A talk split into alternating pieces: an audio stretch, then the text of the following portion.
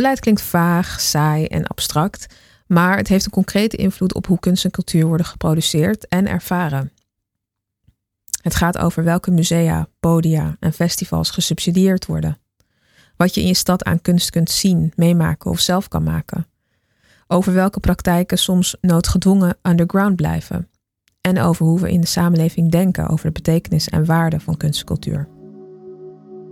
Welkom bij Agenda Punt, een podcast van de Boekman Stichting over de staat van kunst en cultuur in Nederland. Agendapunten bepalen het gesprek, op het werk, in de politiek en bij de vereniging. Een gezamenlijke agenda helpt om prioriteiten te stellen en maakt samenwerking hopelijk een stuk makkelijker. Maar wie of wat bepaalt de agenda van cultuurbeleid? Om hierachter te komen nodigen we iedere aflevering makers, denkers, doeners en onderzoekers uit om een agendapunt te delen uit hun praktijk. Aan iedere gast vragen we: wat staat volgens jou nog niet op de culturele beleidsagenda, wat er wel op zou moeten? Welke behoeftes, inzichten en ideeën kunnen binnen cultuurbeleid meer aandacht krijgen? Dat is waar Agendapunt over gaat. Mijn naam is Hodden Warsame en ik nodig je uit voor deze vergadering.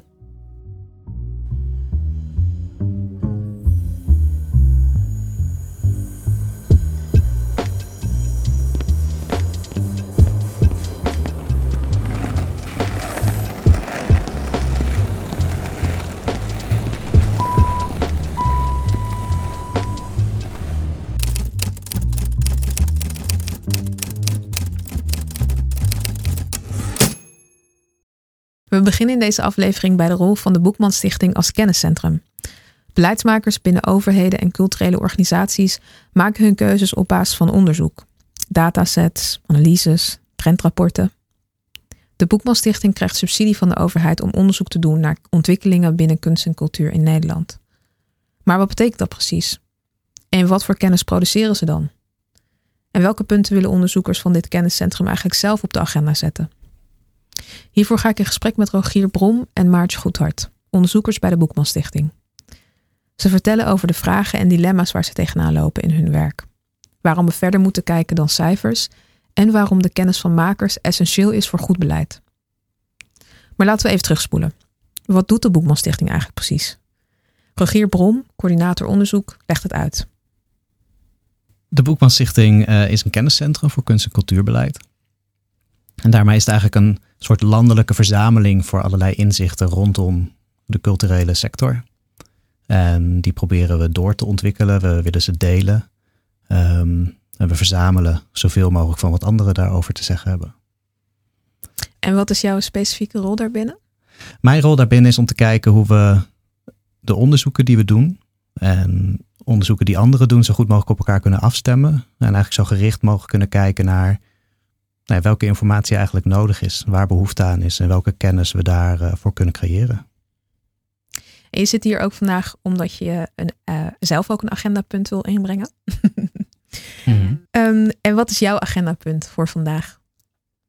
Nou, dat gaat eigenlijk over keuzes maken. Want in de soort van wisselwerking tussen onderzoek, beleid en de praktijk maak je op een gegeven moment de keuze voor als onderzoeker van nou, er zijn bepaalde punten die we willen gaan volgen, die we willen onderzoeken voor ook de langere termijn bijvoorbeeld. Nou, die blijf je dan volgen en uh, je ziet wat daarin gebeurt. Maar daarbij is het heel, vind ik het altijd heel verraderlijk om niet een soort van geleid te blijven worden naar die, door die keuze die je aan het begin maakt, maar ook tussentijds te blijven kijken, scherp te blijven kijken van oké, hebben we eigenlijk wel de juiste keuzes gemaakt? Om kritisch te blijven kijken. Um, naar hoe dat proces zich, hoe, hoe dat verloopt.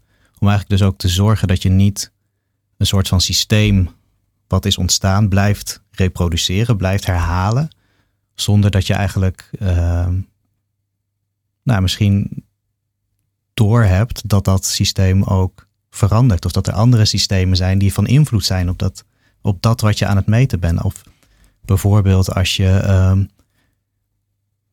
werkende in de, in de, uh, in de sector volgt, als, als je daar bepaalde ontwikkelingen rondom werkgevers bijvoorbeeld niet in meeneemt, of, of bepaalde veranderingen in wetten, als je dat, als je dat mist, of als je. Um, nou ja, als, als er eigenlijk onderwerpen zijn die je daardoor dus mist omdat je aannames uh, te veel blijft volgen. Hm. Kan je hier een voorbeeld uh, van geven? Ja. Ehm, wat we bijvoorbeeld doen is, we hebben de cultuurmonitor.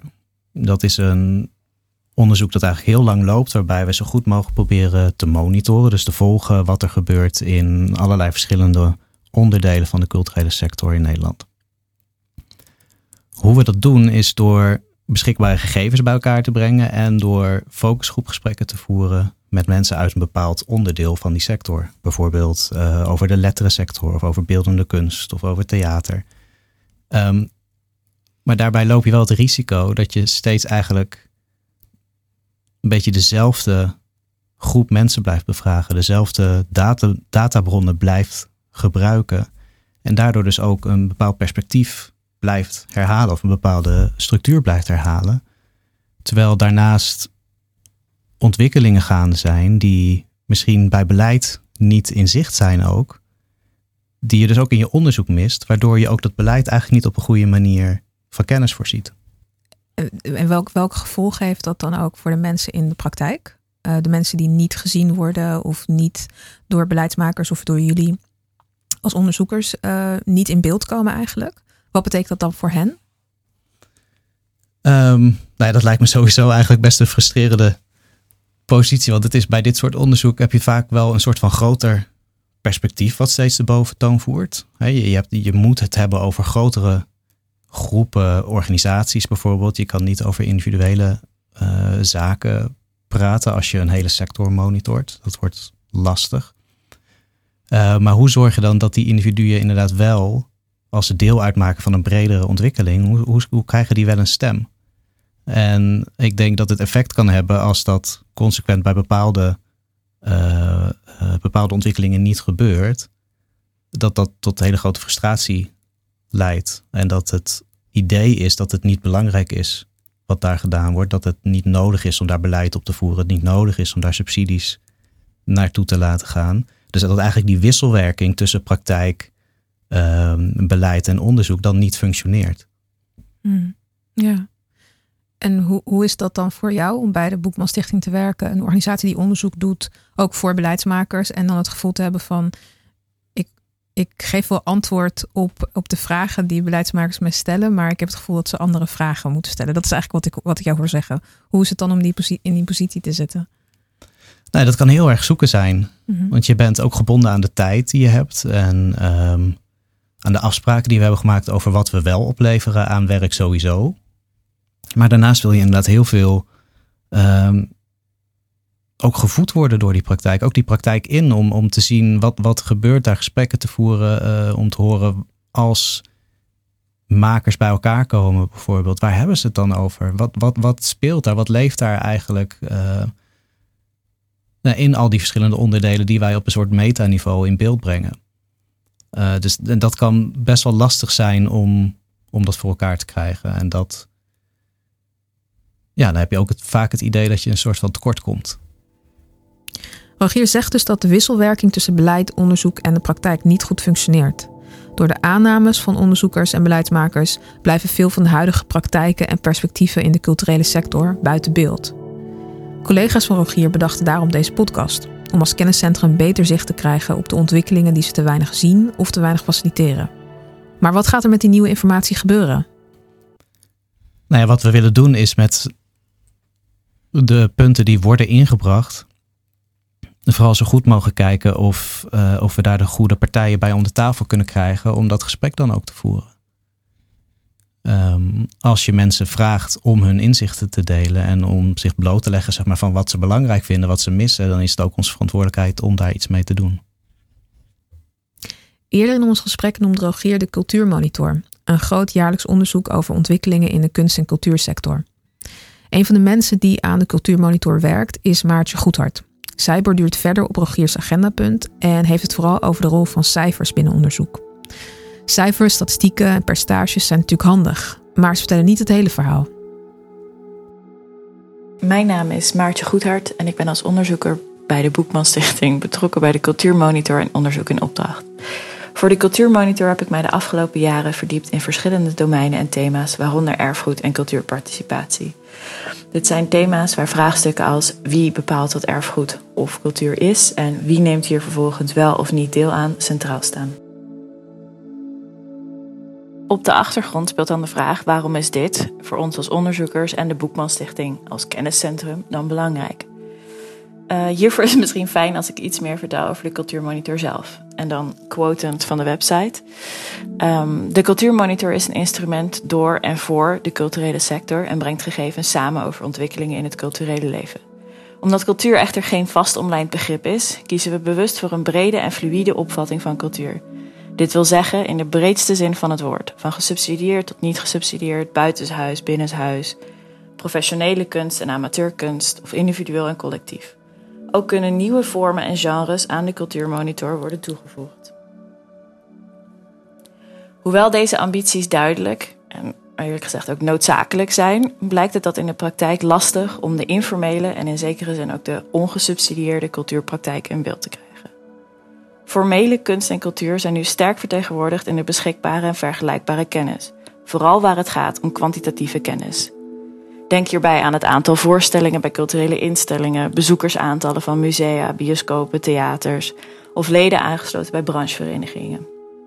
Allemaal cijfertjes die zich gemakkelijk laten vertalen in een dashboard of waar met name bij de verantwoording behoefte aan is. Als onderzoekers en als kennisinstituut moeten we hierom onze onderzoeksmethode bevragen. Past dataverzameling zoals we nu doen wel bij de breedte van cultuur?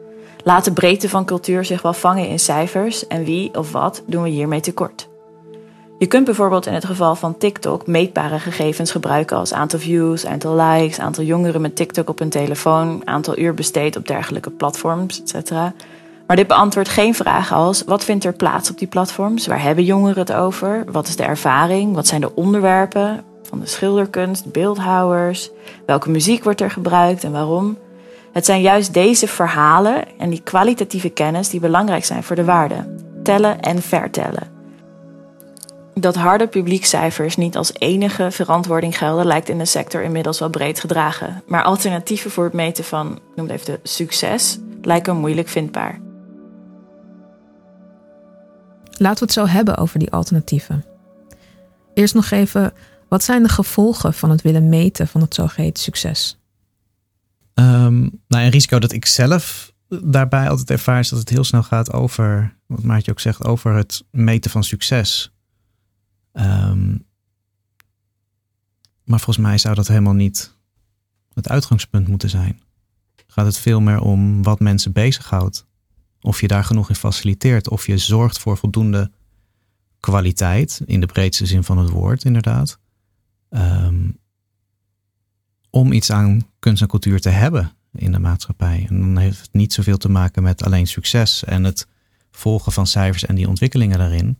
Als je niet weet wat daarvan dan het effect is.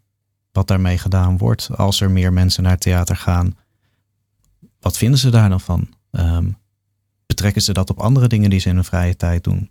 Of als ze minder gaan, is dat dan erg? Of zijn ze juist meer geraakt uh, en kunnen ze er in het persoonlijke leven veel meer mee doen. Hmm.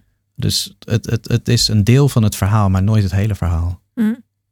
En als onderzoeker um, op een bepaalde manier, ja, jullie zijn een van de organisaties die juist ook die cijfers steeds weer produceren en reproduceren, omdat daar dan ook, zoals ik begrijp, ook naar wordt gevraagd door mm beleidsmakers. Ja. Maar op welke andere soorten kennis zou je dan eigenlijk willen, uh, nog meer willen zien? Of nog meer willen presenteren aan, aan beleidsmakers of andere partijen?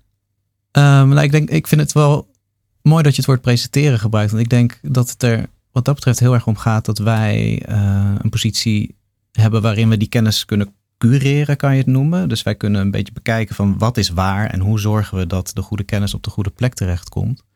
Uh, en dat we dat niet alleen maar zelf presenteren, maar dat we juist ook een podium bieden. Want wij zijn niet degene die alle kennis heeft. Um, als organisatie niet, als onderzoekers niet. Uh, maar wij kunnen wel kijken van oké, waar zit de kennis dan wel en hoe brengen we mensen met elkaar in contact die elkaar aanvullen, die elkaar verrijken. Want soms zijn cijfers inderdaad bijvoorbeeld wel heel handig. Um, als we kijken naar hoe we bepaalde basiscijfers over alle provincies naast elkaar kunnen zetten, uh, naast elkaar hebben gezet, dan zie je heel snel van, oh ja, bij bepaalde uh, provincies zie je heel iets anders gebeuren dan bij andere. Maar het commentaar dat dan komt is van, ja, maar dat is logisch, want. Maar dan wordt het ook interessant. Dus die cijfers zijn een startpunt om een vraag te gaan specificeren, om duidelijker te krijgen van, oké, maar waar willen we dan onderzoek naar doen? Wat voor kennis is er dan en wat, wanneer is het relevant? Hmm. Best nog een complexe opgave dus. Wat is dan de volgende stap? En wie moet die gaan zetten? Daar heeft de Boekmanstichting een rol in, maar ook andere spelers. De vraag was ook: wie is hier uiteindelijk verantwoordelijk voor? Dan kun je denken aan onszelf. Het lijkt me goed om daar te starten. Um, bijvoorbeeld als onderzoekers door meer ruimte te maken voor kwalitatieve onderzoeken en gegevens, maar ook door zelf meer het informele en ongesubsidieerde veld op te zoeken. Evenementen als het symposium Parallele Werelden, dat in Eindhoven nog georganiseerd werd, moeten een structureel onderdeel worden van ons beleid en onze onderzoeksmethode. Het dialoog moet daarin veel meer centraal staan. Maar ook is hierin een rol voor bijvoorbeeld de overheid. Een cultuur van en voor iedereen toegankelijk te krijgen en te maken, moet hier ook het subsidiebestel ruimte voor maken. Denk bijvoorbeeld aan de beoordelingscriteria en de verantwoordingseisen. Dit was de proloog van de podcast Agendapunt. We hebben proberen mee te nemen in wat onderzoekers Rogier en Maartje bij de Boekman Stichting doen en voor welke keuzes ze komen te staan. In de volgende afleveringen komen gasten uit verschillende hoeken van de culturele sector aan het woord over hun ideeën, zorgen en ambities. Ik wil Rogier en Maartje bedanken voor het aftrappen van de serie. En ik wil jou als luisteraar vragen bij wie het onderwerp van deze aflevering op de agenda zou willen zetten. Stuur deze aflevering naar ze door. Laat je ons weten welke gesprekken eruit komen. En heb je trouwens zelf een agendapunt dat je graag wil inbrengen? Stuur ons dan een DM via Instagram, het Boekman Stichting. Dat was de agenda voor vandaag. Bedankt voor het luisteren.